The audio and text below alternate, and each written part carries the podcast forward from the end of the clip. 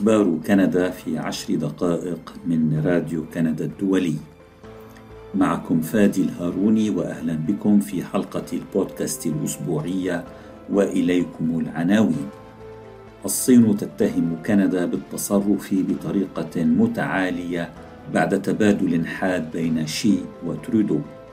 كندا لا تدعم التخلص التدريجي من النفط والغاز في الكوب 27 وفي قمة الفرنكوفونية كيبيك لا تتدخل في شؤون تونس وتعطي الديمقراطية فرصة.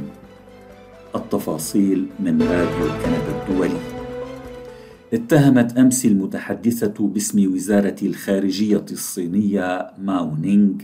اتهمت كندا بالتصرف بطريقة متعالية بعد تبادل حاد بين الرئيس الصيني شي جين بينغ ورئيس الحكومة الكندية جوستن ترودو يدل على مدى تردي العلاقات بين بلديهما.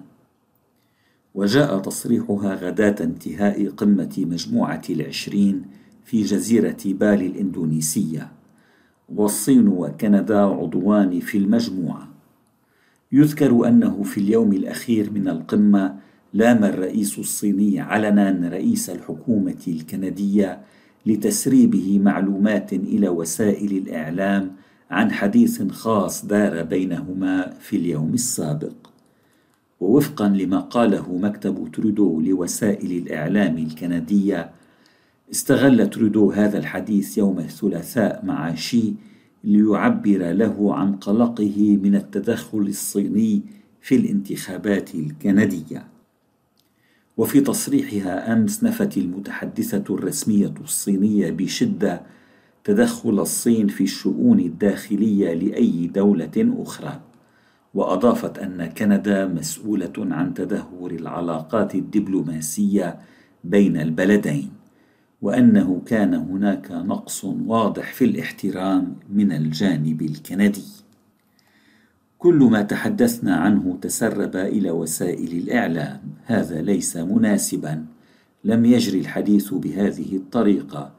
إن كان هناك صدق من جانبك قال شي لترودو أمام الكاميرات يوم الأربعاء. في كندا نؤمن بالحوار الحر والمفتوح والصريح وهذا ما سنواصل القيام به. سنواصل التطلع إلى العمل بشكل بناء معا لكن ستكون هناك أشياء لن نكون متفقين حولها رد ترودو.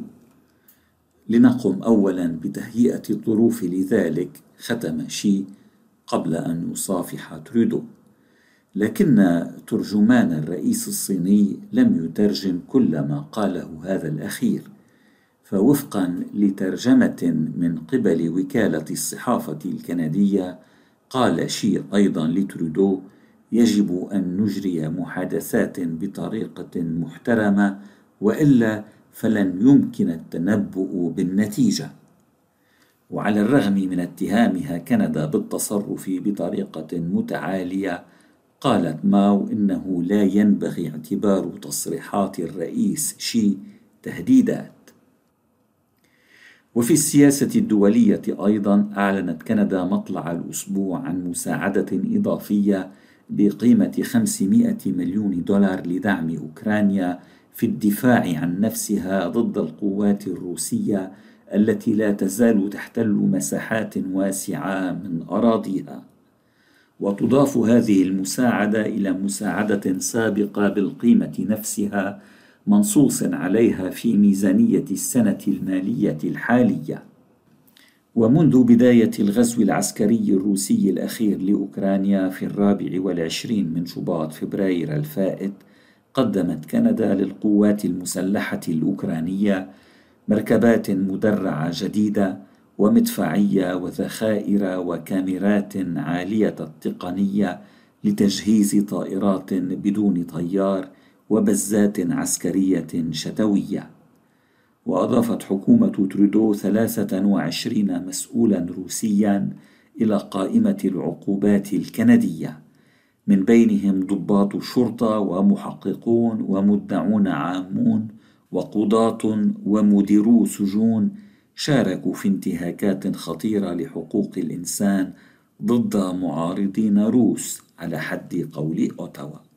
يمكنك الاشتراك في أخبار كندا باستخدام التطبيق الذي تختاره أو عن طريق زيارة موقعنا على الإنترنت راديو كندا.ca rci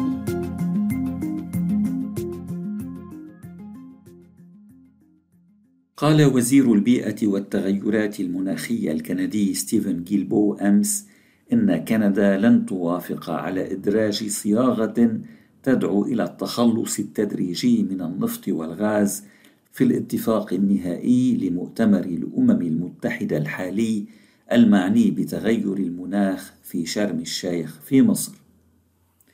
يذكر أن الاتفاق الذي تم التوصل إليه قبل سنة في المؤتمر المماثل للأمم المتحدة الذي انعقد في غلاسكو في اسكتلندا دعا دول العالم إلى التحرك بشكل أسرع للتخلص من محطات توليد الكهرباء التي تعمل على الفحم والتي تفتقر إلى التكنولوجيا اللازمة لالتقاط الانبعاثات.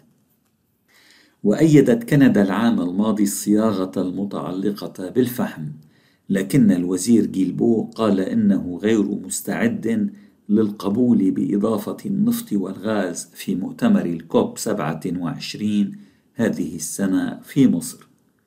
وأضاف جيلبو أن كندا تركز على القواعد التنظيمية والسياسات التي تخفف انبعاثات غازات الاحتباس الحراري كالقواعد الخاصة بكميات غاز الميثان التي يحق لمنتجي النفط والغاز التسبب بانبعاثها. وأضاف أن كندا تركز أيضا على تقليل الطلب على الوقود الأحفوري من خلال سياسات تعزز بدائل للحفاظ على الطاقة مثل السيارات الكهربائية والطاقة النظيفة والمباني الصديقة للبيئة. وقال إنه إذا ما دعمت كندا إضافة بند التخلص التدريجي من النفط والغاز فسوف يثير ذلك رد فعل من قبل المقاطعات بما في ذلك أمام المحاكم.